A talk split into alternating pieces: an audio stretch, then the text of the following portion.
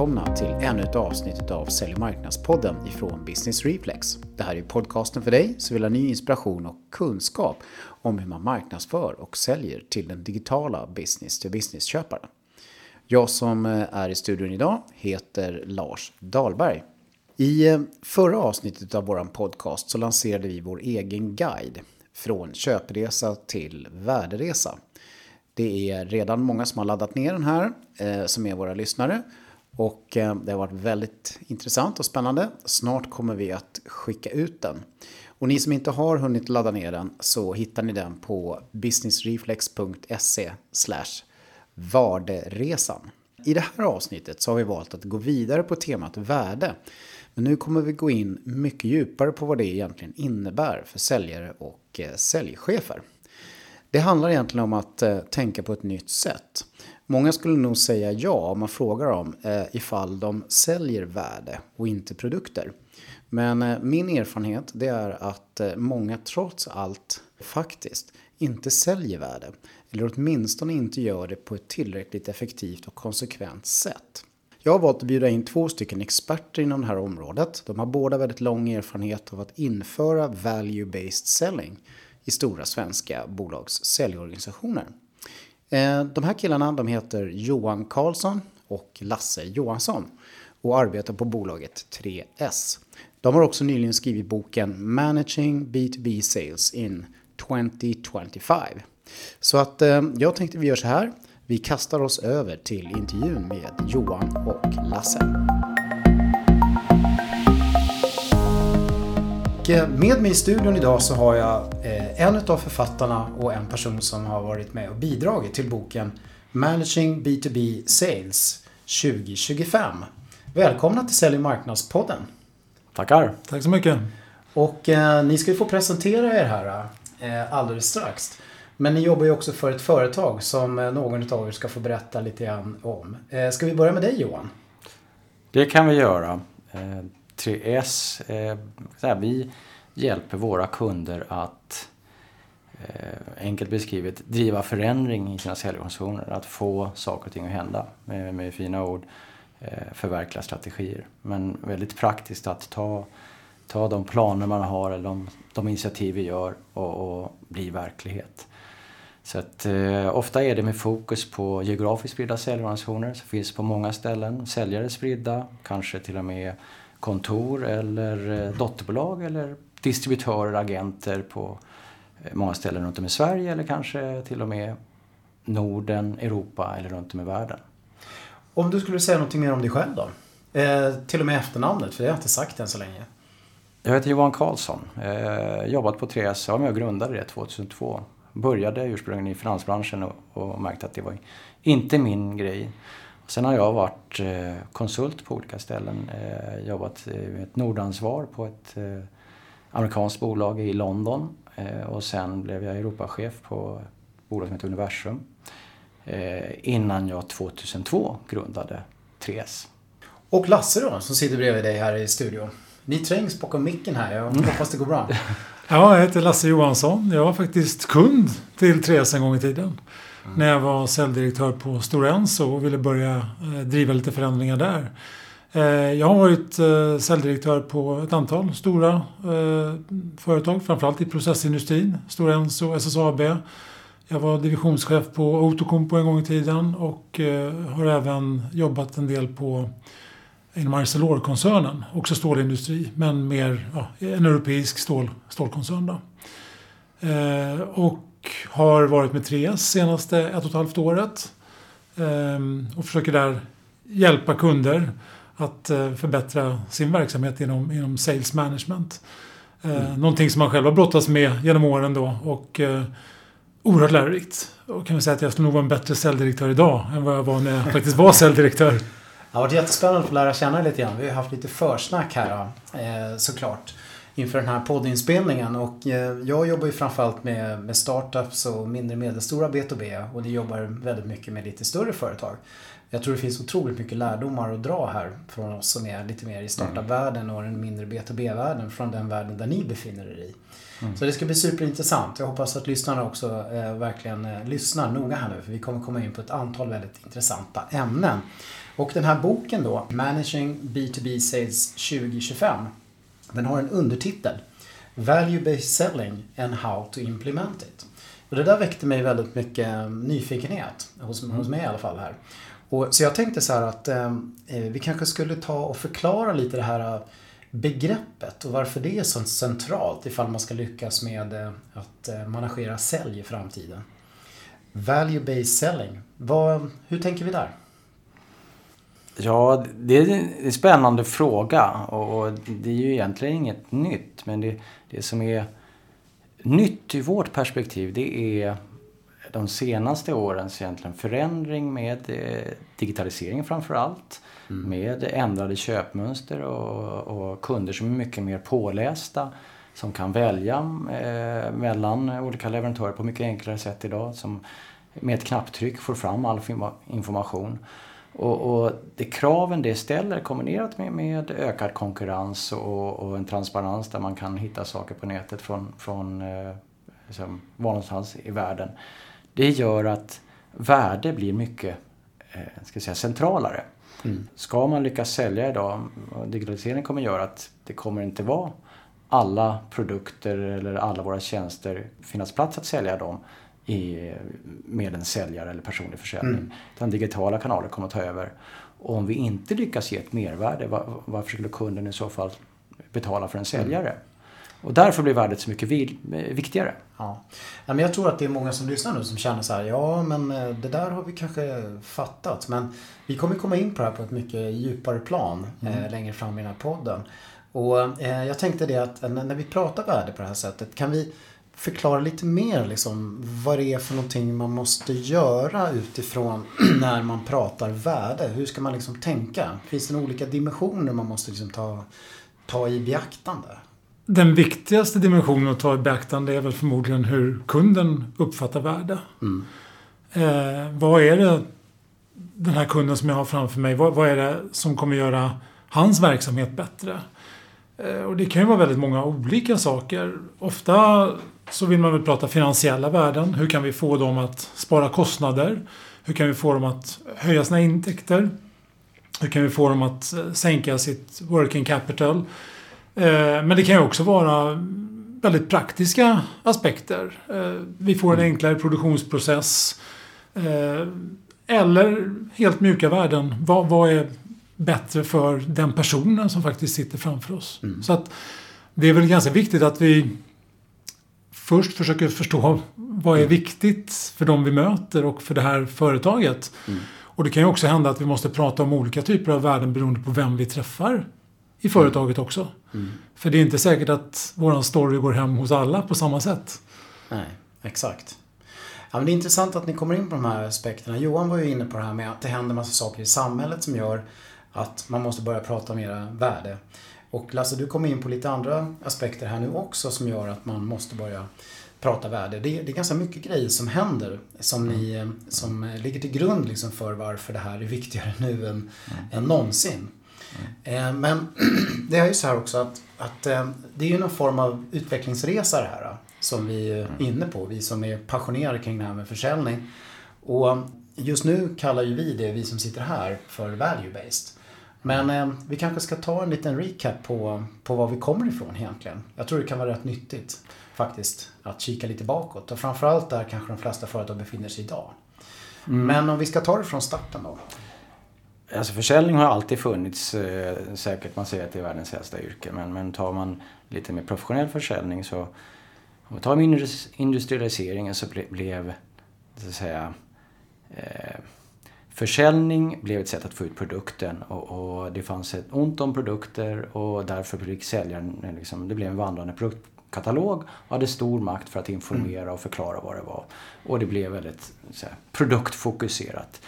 Eh, ju mer ska säga, utbudet växte, eh, ju mer så så blev det drivet att ja, det måste bli, ge någon form av mervärde. Ja, då får i alla fall fråga kunden om dess behov. Och då kan man säga att då har vi behovsorienterad försäljning. Du måste ha med frågeteknik ta reda på vilka behov har kunden och se till att du sen presenterar en lösning som är bra eller en produkt som är bra. Och det här utvecklades mer och mer och under 80-talet kom då solution selling. Där, mm. där det är så här, ytterligare överflöd av produkter och man börjar, för att nå igenom så måste vi börja identifiera inte bara behovet, kanske mer problem och, och den kändaste metoden är spin selling som är en variant på solution selling som verkligen går in på djupet och pratar om pains och så vidare. Mm.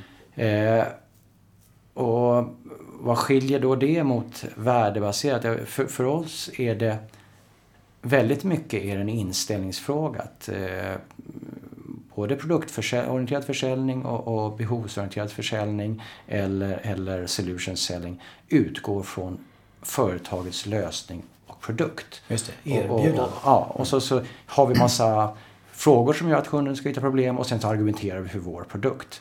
Medan eh, vår övertygelse är att vi måste få ska vi säga, en argumentation, en diskussion eh, och säljare som är kapabla att snarare fokusera på kunden och förstå kunden mycket bättre och kunna mycket mer ska vi säga, kundens verksamhet, eh, kundens utmaningar, den här branschen, vad den står för i och sen kunna ska vi säga, visa vilka värden och vara expert på de värden som vi ger, ger dig. Mm. Inte vara expert på sin teknik eller sin lösning nödvändigtvis. Det kan man också vara. Men framförallt expert på vilket värde ger det här. Mm. Och anpassa det så att, säga, så att man hela tiden presenterar värde för den som står där i änden och lyssnar. Om det är en inköpare så är ett värde. Om det är en produktionschef kanske är det helt något annat. Är det en VD ytterligare någonting. Mm. Det behöver inte vara samma värden i samma bransch.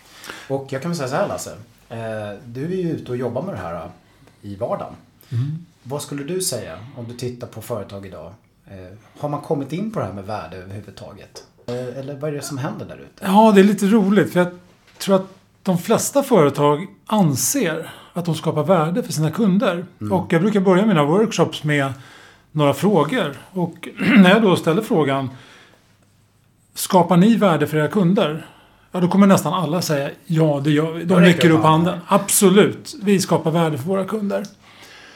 Om man sen ställer en nästa fråga som är lite elak kan man tycka. Det, det är, vet era säljare hur mycket värde ni skapar för era kunder?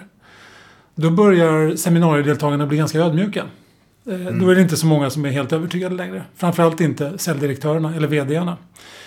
Och den tredje frågan som jag brukar komma med det är är era säljare kapabla att ta olika pris för samma produkt beroende på hur mycket värde den här produkten skapar för era kunder? Mm. Då brukar det vara ganska tyst i lokalen. Exakt. faktiskt. Och jag skulle vilja också bygga på det här som ni var inne på. När vi säljer en produkt, eh, då pratar vi med inköparen. Han har ett behov, det är väl specificerat och han köper den produkten. När vi sen började sälja värde, när vi, det vi gjorde kanske i början på 2000-talet, då, då handlade mycket av värdet om att reducera kostnader. Då pratar vi med produktion kanske. Mm. Kan vi göra produktionen enklare eller mer effektiv för kunden, då skapar vi värde. Det jag tycker man har börjat sett ja, fram på 2010-talet och, och där vi befinner oss nu, det är att det finns mycket större värden i att höja intäkterna för kunden. Mm. Då kan vi skapa mycket mer värde än om vi bara sänker kostnaderna. Och det finns jättespännande exempel på det här naturligtvis. Eh, men då är det kanske helt plötsligt säljarna vi ska prata med. Precis. Då är det inte längre produktionschefen eller inköparen. Mm. Så våra säljare Exakt. kanske måste prata med kundens säljare. Exakt.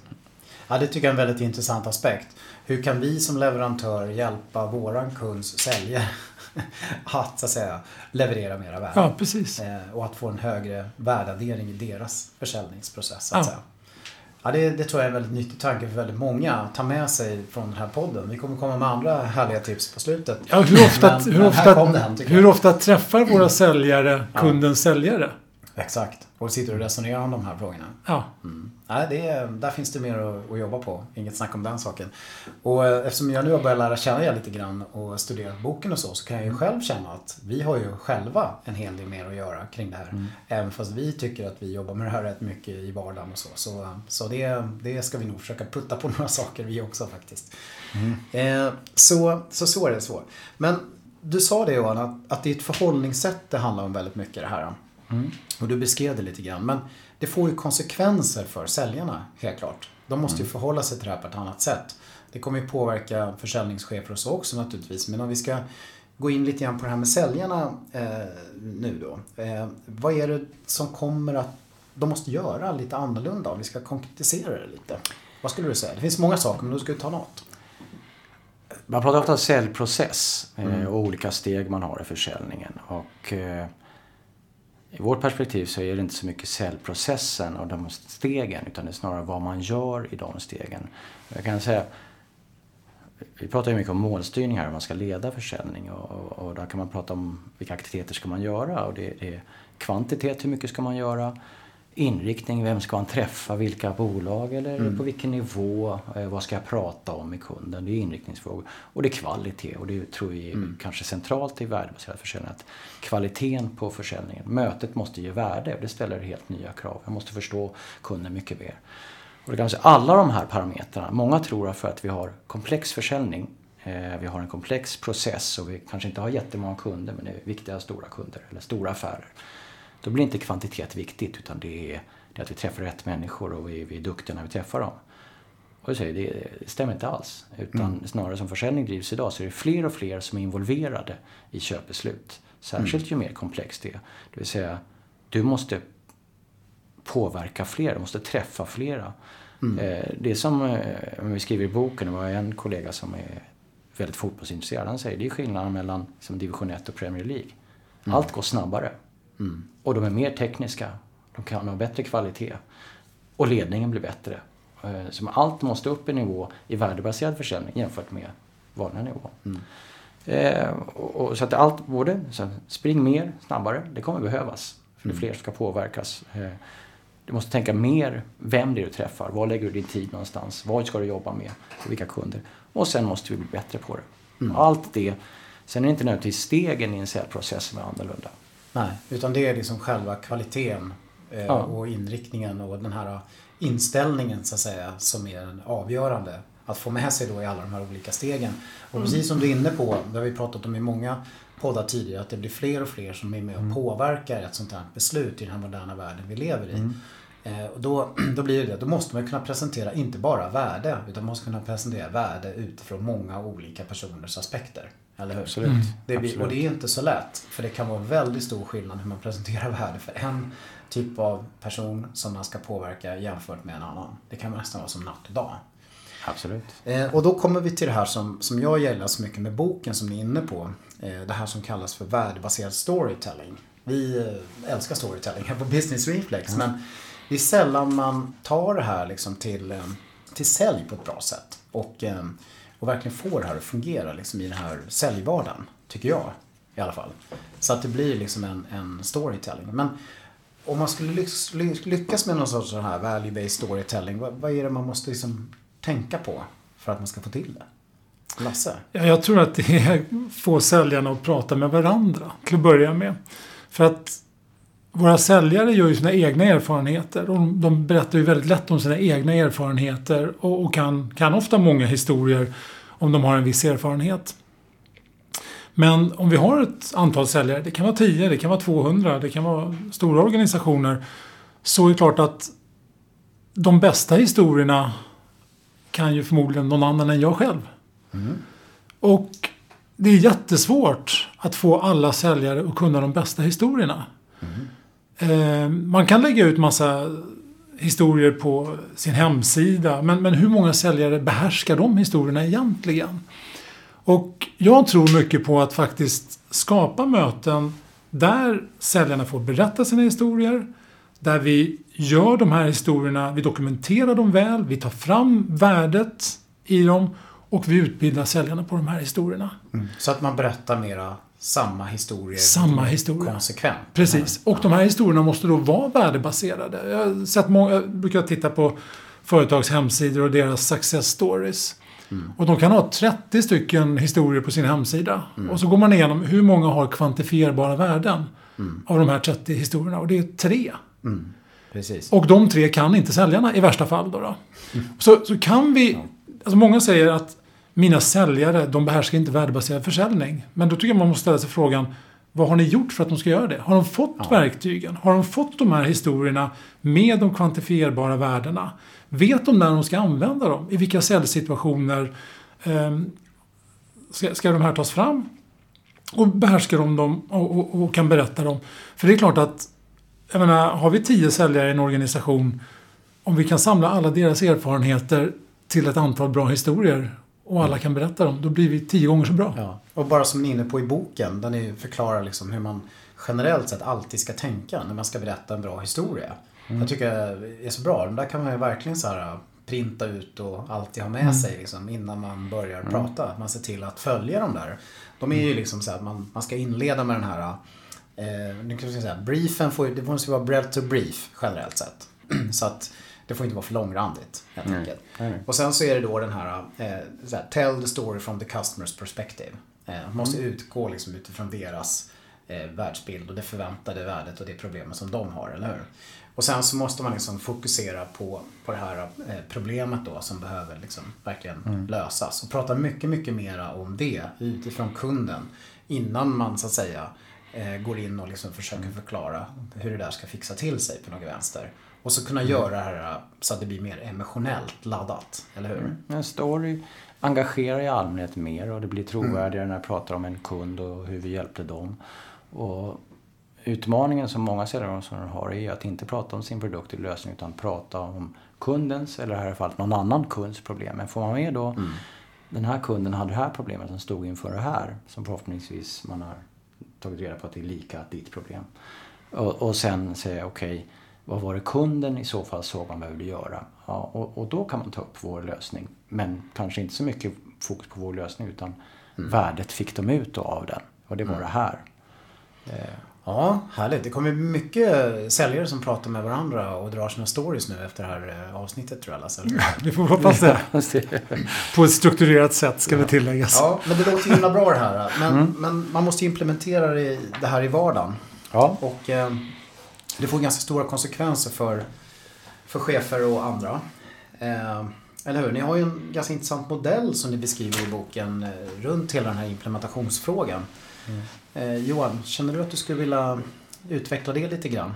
De kan ju inte se bilden framför sig nu här. Jag har ju faktiskt det i och med att jag Nej, har boken här. Men... men egentligen kan man ju säga att utmaningen för de flesta bolag, det vi beskriver här, det är inte så svårt relativt sett att definiera vad vi vill att säljare ska göra. Ofta har vi en väldefinierad eller, eller i alla fall en idé av en säljprocess, hur den ser ut. Och vi har, många bolag har en säljmetodik, alltså att vi ska jobba så mm. här i mötet och vi ska använda de här frågorna. Så där. Eh, utmaningen är snarare liksom, hur får vi säljarna att göra det vi vill? Mm. Eh, att springa på rätt kunder och att prata värden och ta upp de här värdena. Och, och här, hur får vi det att hända? Och, och,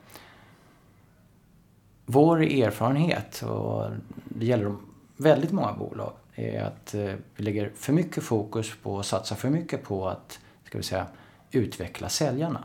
Mm. Eller så här, det fel att säga för mycket, men balansen är att vi, vi, vi säljutbildar säljarna, vi tar fram nya processer, det är nya digitala verktyg till dem och, och vi mäter dem på kors och tvärs och så vidare. Eh, och vem är det som ansvarar för att den här säljaren lyckas och mm. uppnå de här målen eller sälja värdebaserat eller vad nu ja, Det är ju säljledning. Och då menar vi säljledning på alla nivåer, från företagsledning ner till mm. säljdirektören och säljchefen.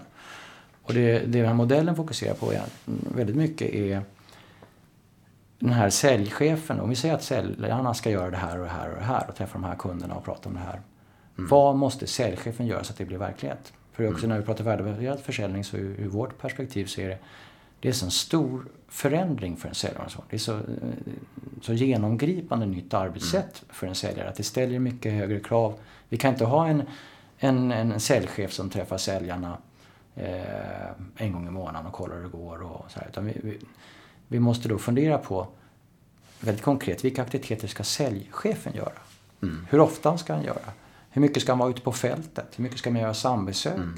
Hur mycket ska ha en performance som följer upp planen som säljaren har och titta på avvikelser? Hur ofta ska man eh, förbereda sambesök tillsammans? Eh, eller kundbesök? Hur ofta behöver jag sitta och, analysera organisationen eller säljare?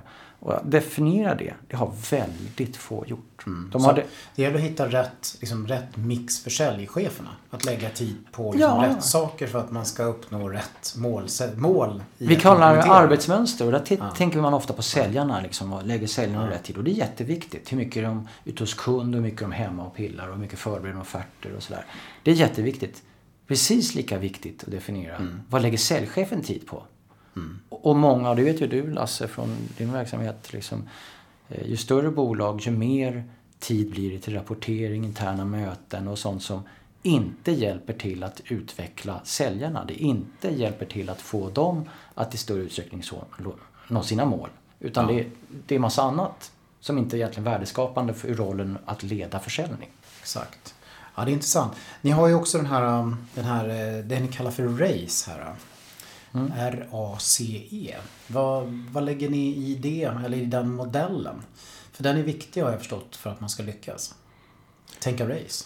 Ja, RACE är ju en målstyrningsmodell då, och de flesta företag styr sina organisationer baserat på de resultat som man uppnår. Oftast finansiella resultat.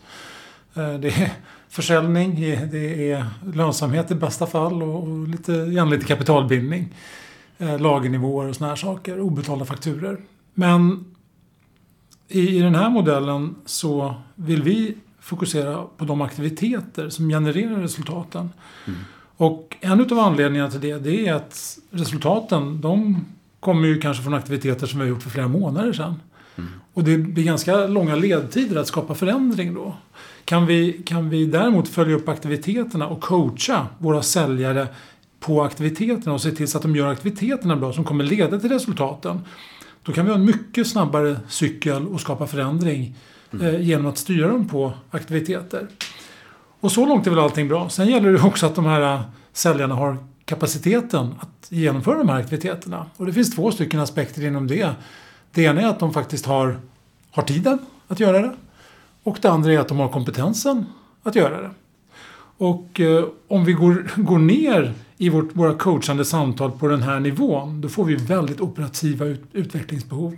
Det kan handla om att eh, en säljare ska sälja produkter in i ett nytt segment, måste förstå det segmentet. Vilka, här, hur skapar våra tjänster eller produkter värde i det segmentet? Så man kan ha ett värdebaserat samtal där. Men det kan också vara att en säljare inte alls är så bra på nykundsutveckling och måste förbättra det. Eh, och då får vi oerhört konkreta planer för hur vi utvecklar säljarna. Och den sista delen i den här race-modellen då, det är att det står för energi, motivation. Tycker säljarna att det är spännande att göra det här? Och om, om säljarna har kapacitetsbehov, kompetensbehov eller motivationsbehov. Då innebär det att det är ju aktiviteter för mig som säljchef att se till att de får de här behoven tillfredsställda. Och det kommer landa väldigt mycket i, i, i min coachande roll och i min ledarskapsroll. Jag kommer inte se till att, jag kommer inte kunna påverka säljarnas ja, hur, hur, vilken kapacitet, kompetens eller energi de har när jag sitter och rapporterar till ledningen. Nej. Eller när jag sitter och analyserar. Utan jag måste ut där på fältet och vara med dem och, och, och faktiskt hjälpa dem med just de här aspekterna. Annars Tänka kommer vi inte få resultaten i slutändan. Ja, Johan. Nej, jag tänker... Eh, det här är särskilt aktuellt då i, som ju mer genomgripande förändring du ska göra. Och nu pratar vi värdebaserad försäljning som då ställer i de allra flesta organisationer ganska stora krav på säljorganisationen. Säljarna eh, ska prata om nya produkter ofta. Eh, de ska prata om dem på ett nytt sätt. Väldigt ofta är det med nya människor. Alltså pratar vi då kapacitetsbehoven att utveckla säljarna. Det, det sker inte per automatik och många underskattar det. Ska vi få säljare som något bra resultat och springa på en målgrupp och prata om en sak och så ska de göra något annat. Ja. Eh, det krävs väldigt mycket och då blir den här alltså den coachande rollen, den, den tränande rollen, den utvecklande rollen blir så mycket viktigare för säljchefen. Eh, och då behöver man den här modellen för att se vad är det vi behöver göra för att nå vilket resultat, vilka aktiviteter ska säljarna göra, vad behöver jag då i så fall hjälpa dem med? Och är de motiverade eller, eller har de energi och engagemang för att göra det här? Har de inte det, då kan vi stoppa in hur mycket träning och utbildning vi vill. Ja. Det spelar ingen roll. Ja, Lasse. Ja, Men jag tycker, om man gör en analogi med idrottens värld igen. Du var inne på Premier League och sådär förut. Eh, vi brukar ofta prata simning här. Eh, om man är en simcoach, Mm. då räcker inte med att man sätter upp ett mål för sin simmare och säger nu ska du simma 100 meter på den och den tiden. Då har du chansen att hävda dig i OS. Eh, OS är om två år, varsågod, det här är målet som gäller. Utan den här coachen förväntas ju naturligtvis stå där på bassängkanten varje dag och säga hur man ska röra armar och ben och ha huvudet och kroppshållningen och allt det där. Och lägga upp ett träningsprogram och se till så att det genomförs. Men i näringslivet, som, som säljchefer och säljdirektörer, om vi bara sätter ett resultatmål, ja då är vi ju inte alls Nej. på bassängkanten. Och är man inte på bas- bassängkanten, då är man inte kvar som, som eh, coach speciellt länge. Va? Nej.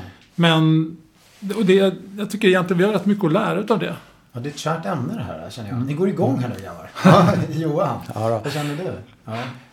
Jo, eh, vi går igång på det här. Vi kan snacka länge men, men eh, alltså, det är ju aktivitetsstyrningen som är centrala. Eh, Om vi kommer in på att prata mål så är det ju så här, det är ju att hitta de ledande faktorerna som kommer skapa resultaten.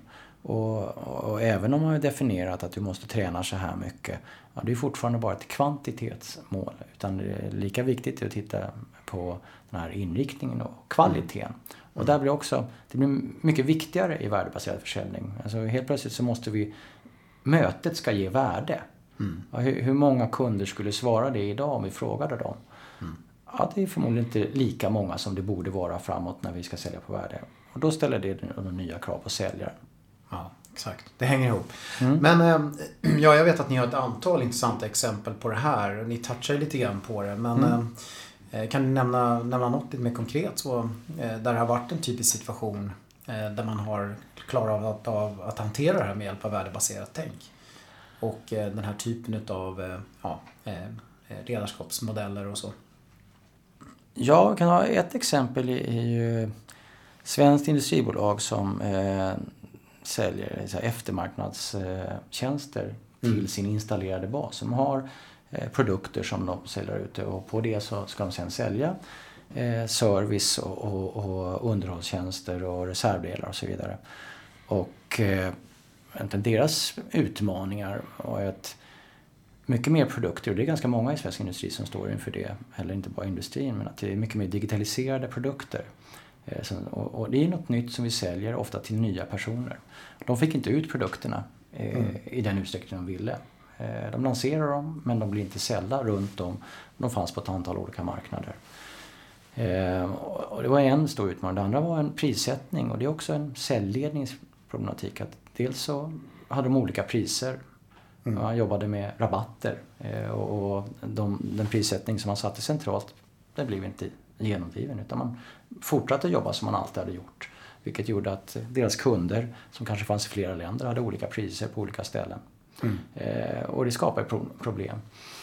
Eh, och överhuvudtaget det, det, det de egentligen rullade ut centralt ifrån. Eh, de hade lika mycket säga, ny säljprocess, man hade satsat på värdebaserad försäljning eh, och tränat sin organisation på det med, med professionella säljtränare. Eh, som är jättebra. Men man upplever liksom inte att det fick en, en genomslag eller, eller det hände inte riktigt. Och där var lösningen att eh, gå in och jobba med säljcheferna och definiera väldigt tydligt vad ska ni göra? Så att eh, bara att sitta med 15 säljchefer och för första gången i deras liv definiera det här är det du ska ägna dig åt. De hade fantastiska befattningsbeskrivningar men det sa vad de skulle uppnå. Eh, Och nu fick de eh, väldigt tydligt definierat det här ska du göra. Och säljdirektören fick ett verktyg för att följa upp. Ja, okej. Du ska lägga så här mycket tid på kammaren och så här mycket ska du coacha och träna och sen så måste du vara på fältet. Det där, Okej, hur går det nu? Okej, varför inte det? Då har vi någonting som kan styra dem på. Och kombinera det med, med målstyrning så blev det, så här, som Lasse sa, väldigt mycket mer värdeskapande eh, säljledning. De gav värde till sina säljare. Ja, det är intressanta exempel. Eh, En grej som jag tror vi ska komma in på här. eh, Tiden rullar för oss lite men, men vi, jag tänkte vi skulle toucha lite på det här med mål. Du var inne på det Johan lite. Att eh, man måste tänka lite annorlunda kring det här med mål. När man tänker race. Men, men om någon av er skulle sammanfatta lite. Vad är det där som är den stora skillnaden nu när man ska tänka mål jämfört med hur man kanske generellt sett tänker kring det här med mål i den här världen? Lasse var inne på det med, med race. Det är ju egentligen att gå ner mer på målstyrning i målstyrning. Eh, och kanske inte bara på kvantitet utan inriktning sätta mål på det. Och det, det är en hel del organisationer som gör det. Det, det är inget Ja. nytt. Men, men man kanske måste tänka mer eh, vilka mål sätter vi då på just för värdebaserad försäljning? Vilka segment ska vi jobba med? Kvalitativa mål och jag skulle säga beteendemål eh, och aktivitetsmål kopplat till värdebaserad försäljning. Och inte bara på säljaren. Här kan man ju mäta hur säljare har olika conversion rates olika, ska vi säga, med olika kunder eller med olika steg. Eh, Hur bra man gör det går faktiskt att fråga kunderna. Hur bra är man? Vilket värde ger vi i mötet och sådär. Eh, Och det är då ledande faktorer. Men även det som man glömmer det är att mäta säljchefens aktiviteter. Exakt. Så vad gör säljchefen? Hur mycket tid lägger han med säljarna? Hur bra är teammötena? Eller vilken kvalitet håller vi när vi gör vårt coachande samtal? Och, Ja. eh, hur disponerar han sin tid en vecka? Och sätta mål på det. Ja, och följa upp det. Ja, och mål som gör att man för sig närmare det här med att faktiskt bli en värdebaserad säljorganisation. Och att säljarna faktiskt jobbar med det aktivt i vardagen.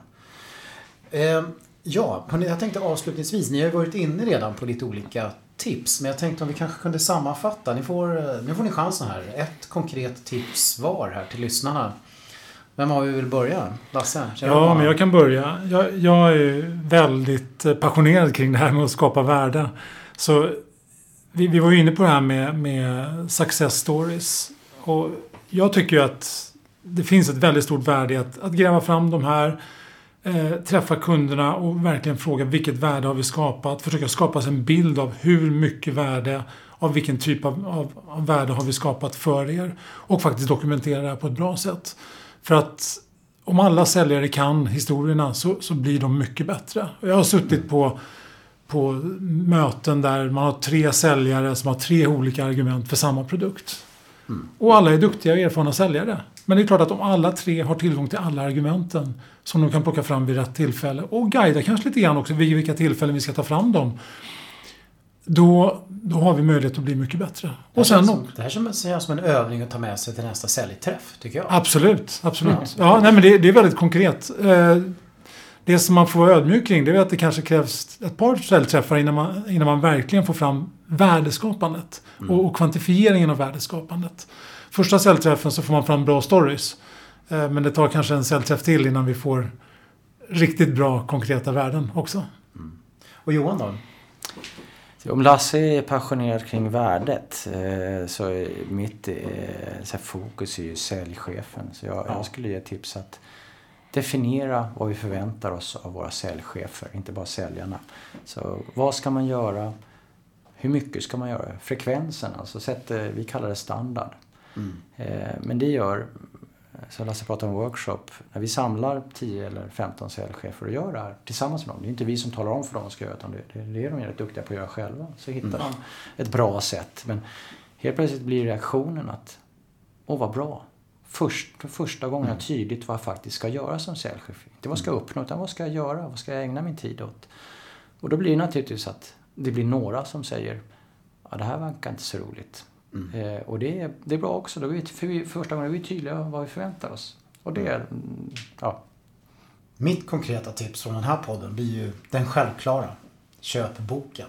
Eller hur? Och eh, då ska vi väl repetera den här boktippen. Managing B2B Sales 2025. Men eh, vilka bokhandlar hittar man den här boken i då? Man hittar den på Bokus och Adlibris och på vår hemsida 3s.se. Och där hittar man även er om man vill komma i närmare kontakt med er, eller hur? Det vore jättekul. Ska vi repetera era namn också så här på slutet? Börja med Lasse. Ja, Lasse Johansson. Och Johan Karlsson. Johan Karlsson. Jättestort tack Lasse och Johan för att ni kom hit och eh, eh, förärade våra lyssnare det här med eh, value-based selling. Det var jätteintressant. Tack så jättemycket. Tack ska du ha. Tack själv.